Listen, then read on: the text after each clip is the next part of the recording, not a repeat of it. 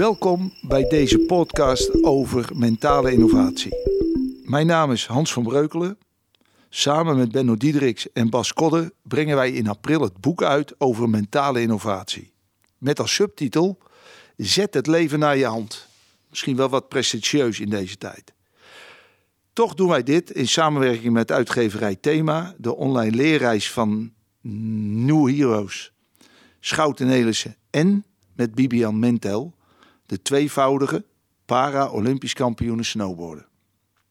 In de aanloop naar de lancering van ons boek zullen wij als warming-up met mensen in gesprek gaan die ondanks hevige teleurstellingen en bijzondere gebeurtenissen in hun leven toch de regie hebben weten te houden.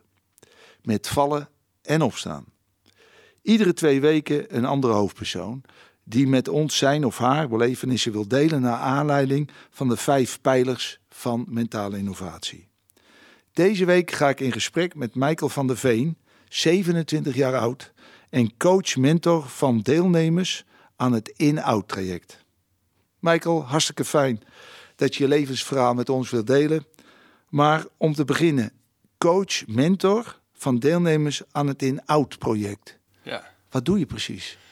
Uh, ja, wat ik daar doe. Uh, thanks dat ik hier mag zijn trouwens. Uh, wat ik daar doe is, ik help eigenlijk degene die daaraan meedoen. Dus de, de mensen, voor, voor nu zijn het alleen jongens.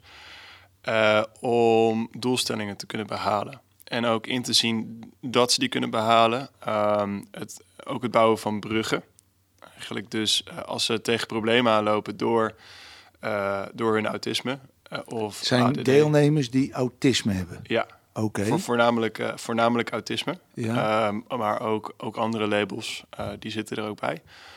en daarin bouwen we bruggen om ervoor te zorgen dat degene, de dingen waar ze tegenaan lopen, die kunnen overwinnen. Of in ieder geval daar niet meer door worden terug, teruggehaald. Het klinkt nog een beetje vaag. Ja, ehm, kun je wel aangeven waarom ben je juist met deze doelgroep actief als coach en mentor? Ja, ik voel me heel betrokken bij ze, omdat ik zelf uh, autisme heb, PDD-NOS. Oké. Okay. En Wanneer is dat bij jou geconstateerd?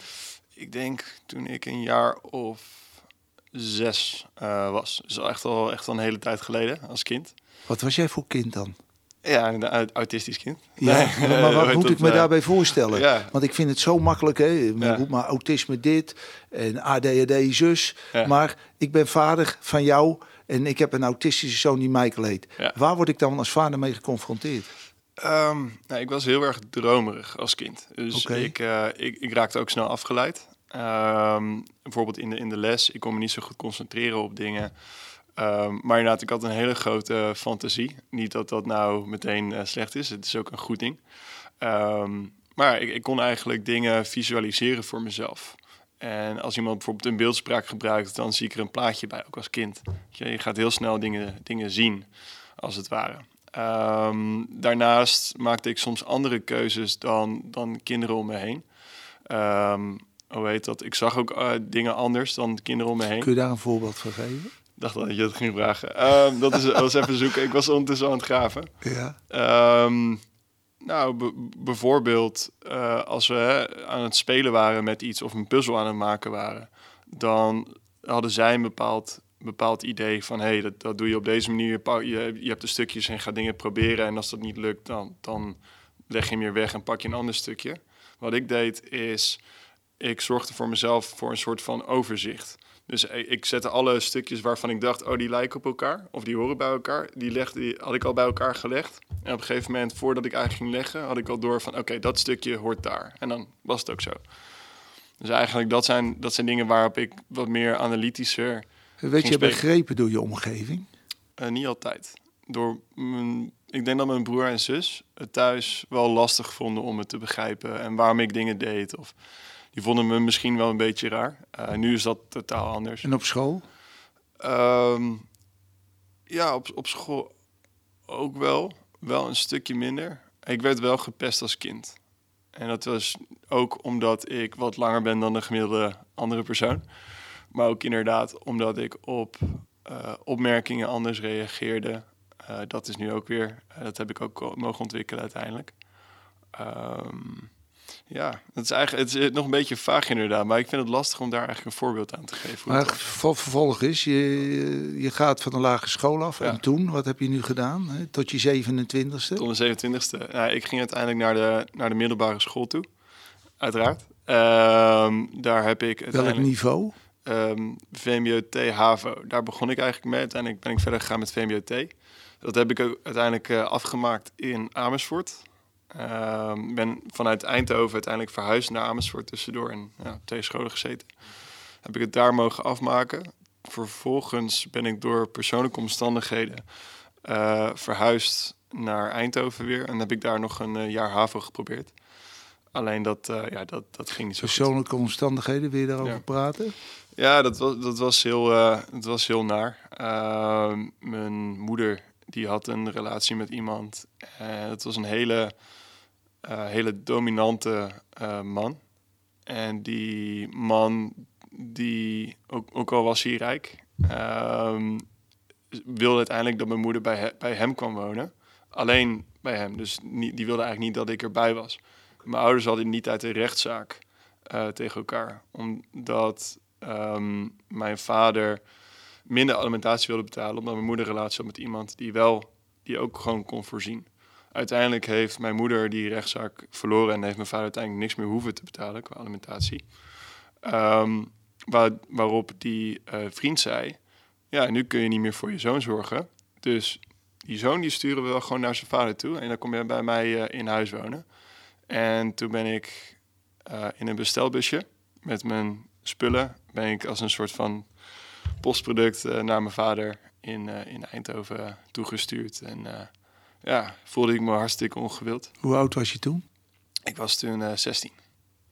Je zegt, ik voelde me heel erg ongewild. Ja. maar wat, ja. wat, wat deed het nog meer met je? Nou ja, ik voelde me ook alleen eigenlijk omdat ik door, door hem daar niet gewild was, ging naar mijn vader toe.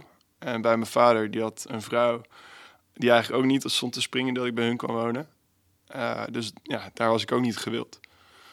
Uh, ja, dus eigenlijk was dat was mijn 16 jaar echt het meest vervelende jaar in mijn hele leven. En um, ja, ik voelde me gewoon hartstikke, hartstikke alleen en, en onbegrepen. Ook al was ik op, op momenten, als ik terugkijk, ook wel een beetje naïef en niet ik dingen ook gewoon langs me heen gaan. Maar als ik op terugkijk, was het gewoon hartstikke, hartstikke pijnlijk. Uh, je maakt toch je school af in, ja. in Eindhoven en daarna? Ja, uh, daarna begin ik met een opleiding applicatieontwikkeling. Die maak ik ook niet af, omdat ja, ik toch lastig Praat vind ik over automatisering? nee, dat is het eigenlijk het ontwerpen van, van apps. Oké. Okay. Dus echt het, het programmeren, het maken van applicaties op je telefoon, op op computers ja. en tablets en zo. Maar dat was voor mij net even iets te, iets te technisch en dat paste niet bij me. Toen ben ik uiteindelijk uh, eigenlijk een meest simpele MBO-4-opleiding gaan doen die ik kon vinden. Met alle respect voor die opleiding, want die opleiding was, was verder ook wel gewoon hartstikke leuk. Dat was informatiedienstverlening mm -hmm. in Hengelo. Mm -hmm. Dus toen ben ik voor twee jaar één dag in de week naar Hengelo gegaan en daarnaast drie dagen per week stage lopen. Dat heb ik uh, toevallig eerste jaar heb ik dat hier in Den Bosch gedaan bij het Brabants Historisch Informatiecentrum, het BIC, de Citadel, staat ook ja, bekend. Ja. Um, en vervolgens uh, het volgende jaar ben ik, was ik gevraagd om stage te lopen in Amersfoort bij het archief. En heb ik daar mogen stage lopen, ben ik daar ook weer naartoe verhuisd. Was ik eigenlijk ook weg uit die situatie in Eindhoven, die voor mij toen ook niet heel, heel goed was. Dus kon ik eindelijk op mezelf wonen.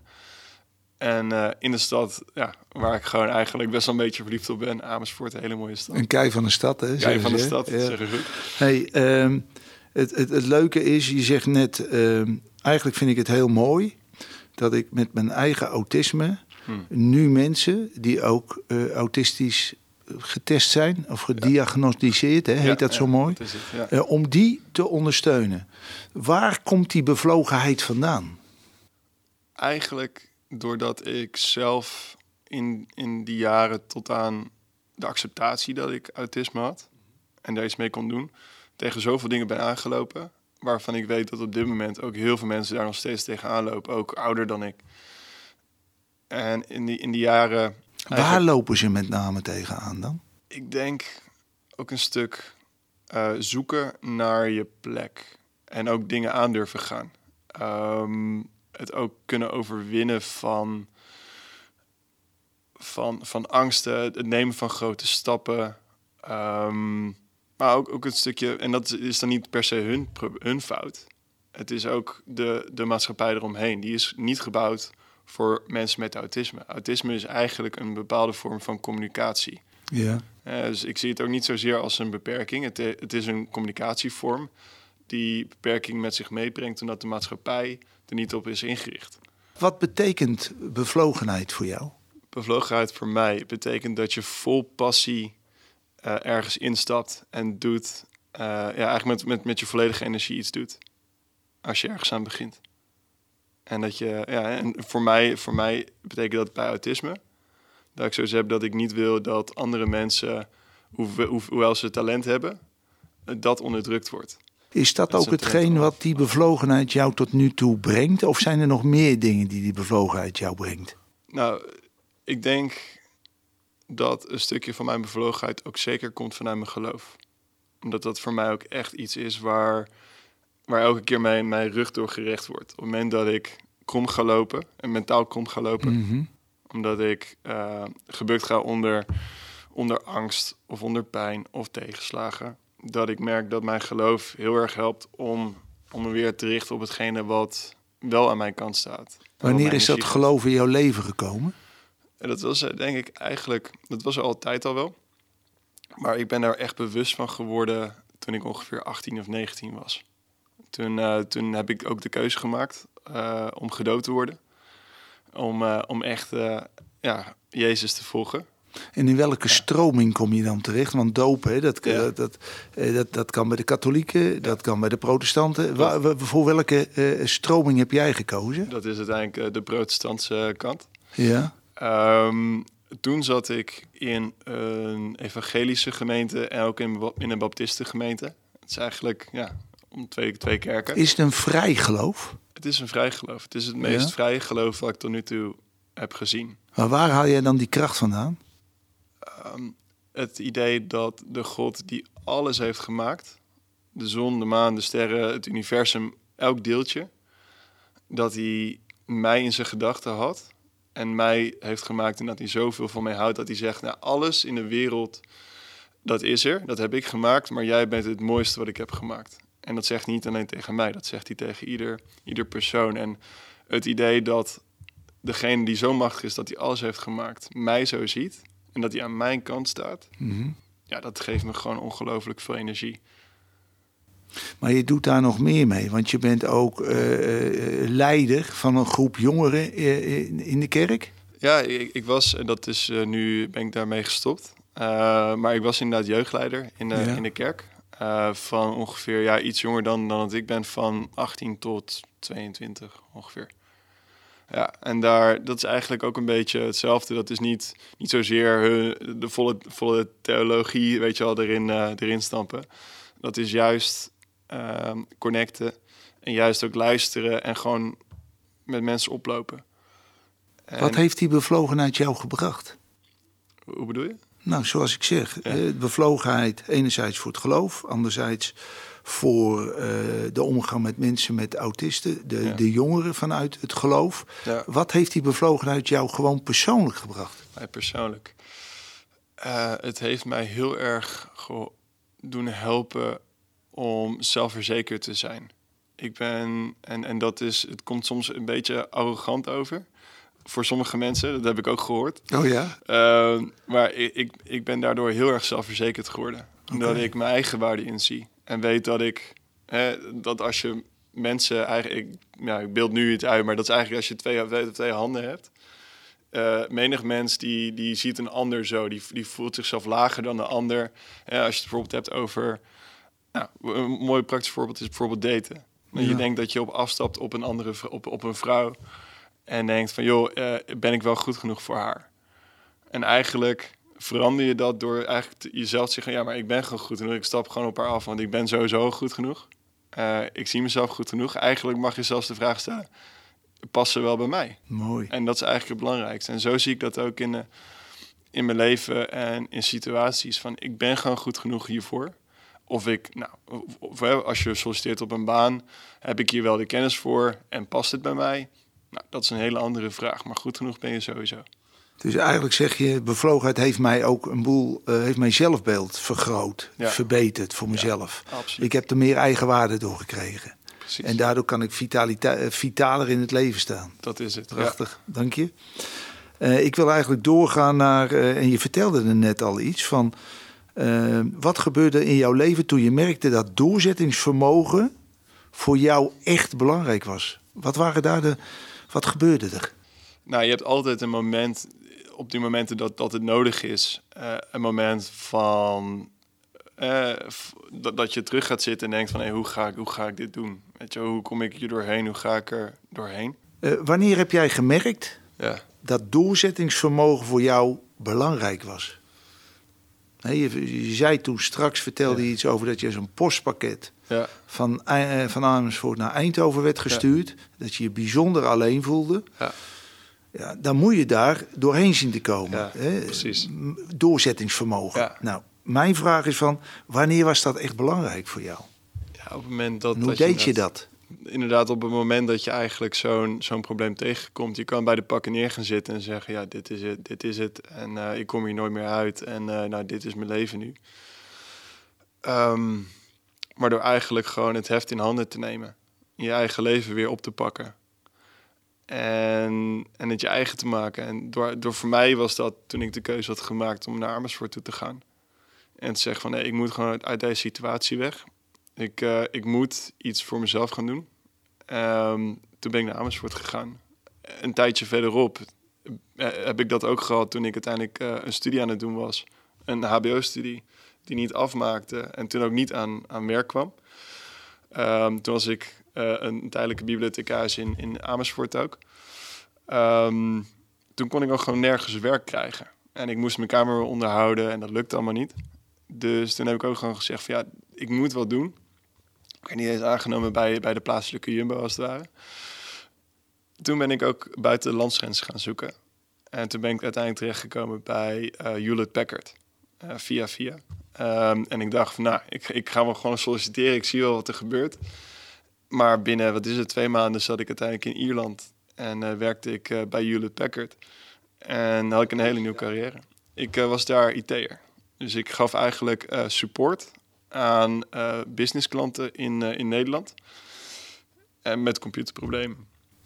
Wat dus ben jij, hè? Wat voor eigenschappen heb jij als, als doorzetter? Hoe, hoe ben je dan? Um, ik ben dan heel erg gedreven. Ik zit vol vuur. Mhm. Ik merk dat ik dan gewoon echt warm word. Dat ik denk, oké, kom op. Adrenaline giert door je lichaam. En je hebt dan de keuze of je er iets mee wil doen of niet. En voor mij, ja, mij, voor mij doet het echt iets op het moment dat ik, uh, dat, ik dat heb. Uh, en uiteindelijk ja, dan moet gaan zoeken naar een manier om uit een situatie te komen. Wat vinden andere mensen krachtig aan jou? Ja, ik denk dat doorzettingsvermogen.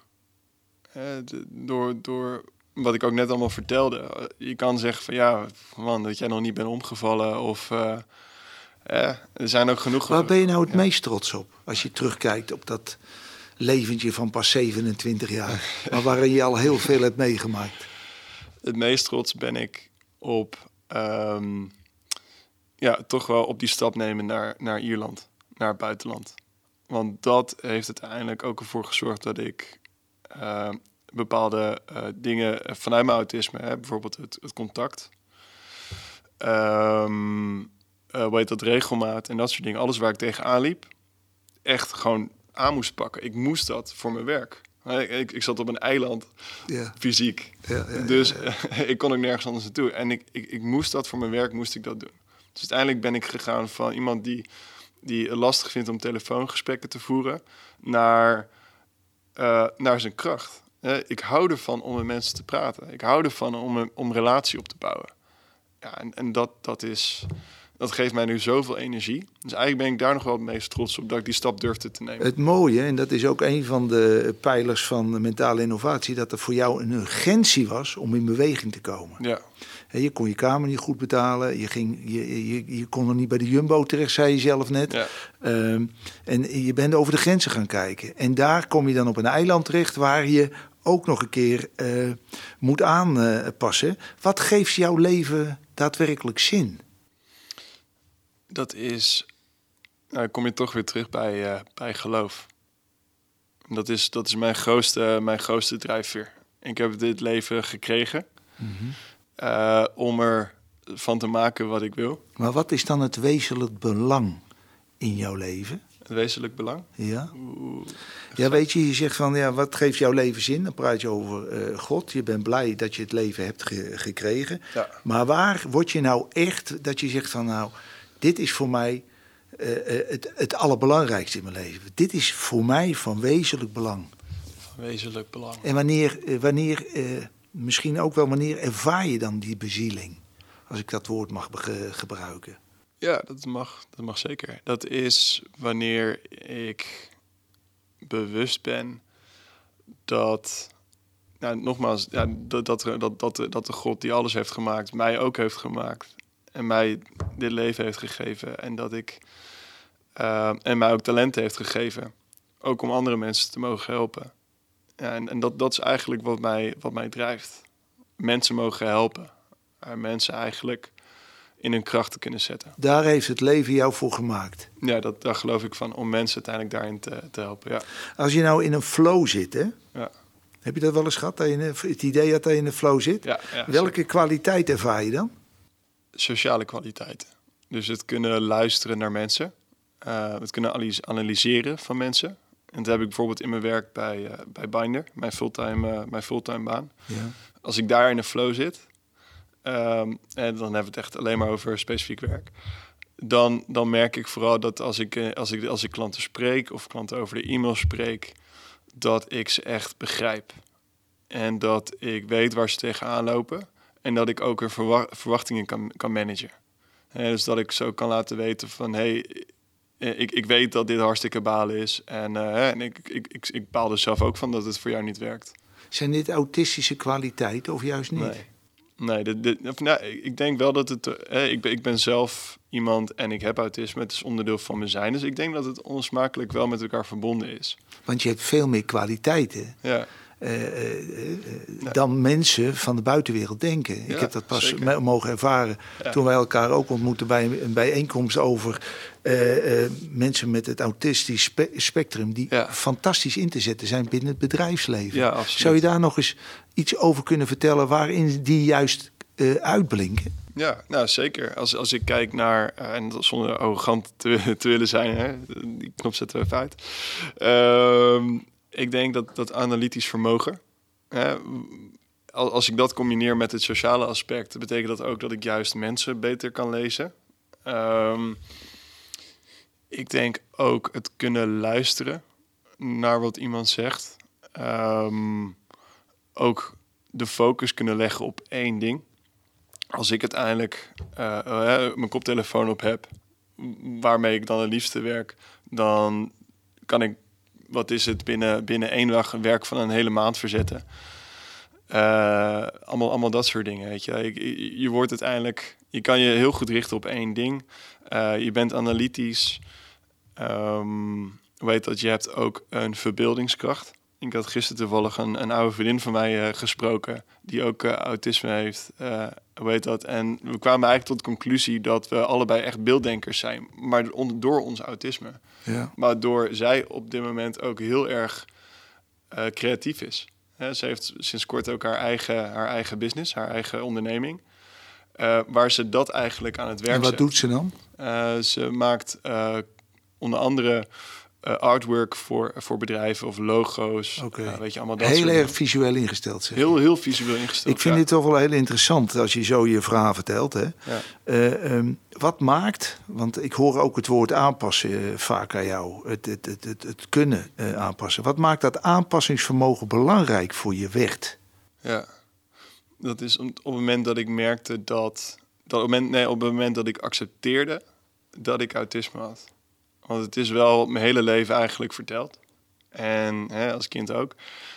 Maar op het moment dat ik het accepteerde, toen kon ik er wat mee. Toen kon ik, uh, toen kon ik het aanpassen. Toen kon ik mezelf aanpassen aan de situatie. Want, want dan ga je zien dat de wereld om je heen, de maatschappij, anders is ingericht dan hoe, ik, dan hoe mijn denkpatronen zijn. Waardoor het makkelijker wordt om die punten die anders zijn te herkennen. Op het moment dat ik dat niet deed, op het moment dat ik dat niet zag, ja, dan, dan komen er alleen maar vragen op. Dan, dan vraag je af waarom reageren mensen zo en waarom snappen ze niet wat ik bedoel? Of waarom snap ik niet wat zij bedoelen? Ja, op het moment dat je weet wat het is. Je, dan wat werd er, als jij nou terugkijkt, hè, wat werd er vroeger van jou verwacht? Wat, wat komt dan in één keer naar boven? Vroeger werd van mij verwacht dat ik, en dan heb ik het over onder andere de tijd bij, bij de ex-vriend van mijn moeder dat ik meedeed en dat ik gewoon normaal deed. Dat ik rechtop aan tafel zat, dat ik met mes en vork mijn boterhammen smeerde en, en, en ophad. En, uh, en dat ik niet zo vermoeid uh, was, zeg maar. Terwijl normaal doen voor mij, of in ieder geval normaal volgens de maatstaf van de maatschappij, dat kost mij heel veel energie. Dus op het moment dat ik dat niet lukt, dat mij dat niet lukt, ja, dan ben ik gewoon echt helemaal doodop. En ja, dat werd dan niet erkend. Dus ik probeerde het wel. Maar dat was hartstikke lastig. Heb je toch misschien dingen overgenomen van je ouders die wel positief waren? Ja, ja zeker. Ik denk dat van mijn moeder is heel empathisch. Die heeft een heel groot empathisch vermogen. Dus ik denk dat ik dat heel erg van haar heb mogen overnemen. En mijn vader is daar juist heel erg, heel erg praktisch en heel erg logisch. Ik denk dat ik daar qua denkpatronen misschien nog wel het meeste op lijk. Um, maar, en die heeft zijn, zijn liefdestaal is ook eigenlijk gewoon doen. Is iets doen voor een ander. En, en dat heb ik ook eigenlijk van hem heel erg overgenomen. Dat uh, vind ik ook top om te doen. Als je die samenvoegt, hè, ja. uh, kun je dan zeggen, wat, wat van jezelf wil je nooit kwijtraken? Autisme. Dat wil je nooit kwijtraken? Nee. Dit is heel mooi, hè? Ja. Terwijl het vroeger als het ware tegen je werkte, ja. ervaar je het nu als een kracht. Absoluut. Prachtig. Ja hey, um, ben, je, ben jij streng voor jezelf? Ben ik streng voor mezelf? Ik tegenwoordig wel wat meer. Ja. Tegenwoordig wel wat meer? Ja, omdat en, ik... En, waar, en uh, hoe, hoe, hoe kan ik dat aan, aan jou herkennen? Nou, dat is een goede vraag. Ik denk doordat ik als, ik, als mij iets niet lukt... omdat ik mezelf nu wel beter ken dan dat ik me vroeger kende... dus dan mag ik ook hoe heet dat, ook bepaalde dingen tegen mezelf zeggen. Van joh, uh, waar, waarom, waarom doe je dit niet gewoon zo? Of waarom stel je die vraag niet gewoon aan iemand? Uh, als je niet kan, waarom vraag je dan niet om hulp? Weet je, en, en dat soort momenten ben ik wel even streng voor mezelf. Omdat ik ook een deel van mezelf heb waar ik dingen echt, echt moet, zeg maar zonder hulp moet gaan doen. Dus echt zelf moet gaan doen. Terwijl het niet altijd hoeft. En dat ook absoluut niet van je, van je verwacht wordt waar je ook bent. Oké. Dus het, kunnen vragen om hulp, daar ben ik streng uh, voor mezelf in. Terwijl het eigenlijk heel apart is eigenlijk als, als ik het nu zo hardop zeg. Ja, want waarom niet? Dat is een paradox. Ja, eigenlijk wel. Ja. Hey, uh, waar, waarin voel jij je volledig vrij? Wat, wat voel je bij vrijheid? Bij vrijheid voel ik ah, eigenlijk bijvoorbeeld als ik, in de, als ik in de kerk ben, dan, dan voel ik me vrij. En de kerk is natuurlijk een gebouw maar dan hoef ik niks, wordt, wordt ook niks van mezelf verwacht. Ik ben gewoon zoals ik ben. En ik ben eigenlijk in een plek waar wordt gesproken en waar wordt gezongen over een God die mij lief heeft om wie ik ben. Goede en slechte dingen. En, en dat geeft mij zoveel rust en dat geeft mij het ultieme gevoel van, uh, van, van vrijheid. Ja. Wat mooi. Wat mis je ten diepste? Als iets wat ik eerder ooit heb gehad of, of nooit heb gehad. Whatever. Gewoon whatever. Wat mis ik ten diepste? Dat vind ik een hele lastige vraag. Misschien kan ik hem anders stellen. Hè? Wat wil je graag in, je, in, in, in, je, in, in jouw dromen, in jouw mooiste dromen? In mijn mooiste dromen. In mijn mooiste dromen wil ik volledig kunnen doen wat ik wil. Iets, iets kunnen doen met mijn talent. En daar. Hoe ziet dat er dan uit? Geld mee verdienen, maar daar juist ook anderen mee kunnen helpen. En dat is het coachen en het mentoren van... Wat je dus nu doet. Ja, en ik, ik heb toevallig, de 31ste heb ik een eigen onderneming uh, opgericht. Oké. Staat nog helemaal in de kinderschoenen. Hoe heet dat? Het heet uh, Mountain Climbers. Oké, ja, mooi. En dat is eigenlijk op dit moment nou, wat, ik, wat, ik nog, wat ik nog mis. Zeg maar daar volledig mee aan de slag kunnen gaan. En, en dat uh, daarmee echt mensen mogen helpen. Mensen mogen coachen en mensen mogen mentoren. En is, wat, wat is dan het laatste, laat ik het dan zo zeggen, Ja. zijn er nog dingen die je van jezelf verwacht? Stabiliteit. Ik, ik wil van mezelf wil ik veel meer stabiliteit. Dus meer ritme, ehm, meer vastigheid. En dan heb ik het over hele praktische dingen. Dan heb ik het over ehm, elke, elke dag eh, op tijd gaan, gaan slapen. Oh, elke dag eh, op tijd koken. Elke dag überhaupt koken. Ehm, maar ook, ook gewoon, ja, gewoon veel meer ritme in mijn leven. In plaats Je van. kent, van je kent eh, die, die, die oude drie R's van vroeger? Daar, zijn we- daar, werd, daar werd ik mee opgevoed. Wij schelen het, je Ja. had mijn zoon kunnen zijn. Ja, precies. Maar ik ben opgevoed met de drie R's. Ja, Dat is rust, reinheid en regelmaat. ja, En ik hoor jou ook regelmaat. Ik denk ook dat je rust, eh, reinheid... Nou ja, je ziet, er, je ziet er wat dat betreft heel rein uit. Ja nou. Maar wat ik ook mooi vind, eh, en dat gun ik je ook... dat is de R van ruimte. Ja. Die daar ben je ook naar op zoek. Ja, Ehm, ja, weet je, ik ben een beetje door mijn vragen heen. Ik, ik, ik wil je bedanken voor het gesprek. Maar misschien dat jij eh, nog iets hebt van... eh, ik, wil, ik zou nog wel iets kwijt willen. iets kwijt willen. Ja, ik denk. Ik heb nu eh, verteld over, over wie ik ben en wat ik heb meegemaakt. Eh, en hoe ik hier terecht ben gekomen. En ik wil eigenlijk mensen bemoedigen die misschien nog wel in, in lastige situaties zitten en die gewoon niet worden begrepen. Is ten eerste, je, je doet ertoe. Je bent goed genoeg. Eh, je bent niet raar, je bent niet gek. Je, je bent precies zoals je had moeten zijn. En misschien ligt jouw grootste kracht wel in het label dat jij hebt gekregen in deze maatschappij. En dat het er niet in past. Ik denk, het, het kan je grootste kracht zijn. En ik wil je eigenlijk aanmoedigen om te reflecteren op de talenten die je hebt en de dingen die je wel kunt doen. En dat is eigenlijk eh, wat mij heel erg heeft geholpen en wat ik hoop ook dat eh, de luisteraars eh, ook mag helpen. Ik wil jou, Michael, ontzettend bedanken voor jouw verhaal. Eh, mentale innovatie in al zijn vormen zijn eh te sprake gekomen. En ik hoop ook dat inderdaad onze luisteraars het eh, heeft geïnspireerd. Nogmaals dank Dankjewel. en graag tot de volgende. Yes. Wil jij op de hoogte blijven van de New Heroes podcast? Abonneer je dan op ons kanaal en houd onze socials in de gaten.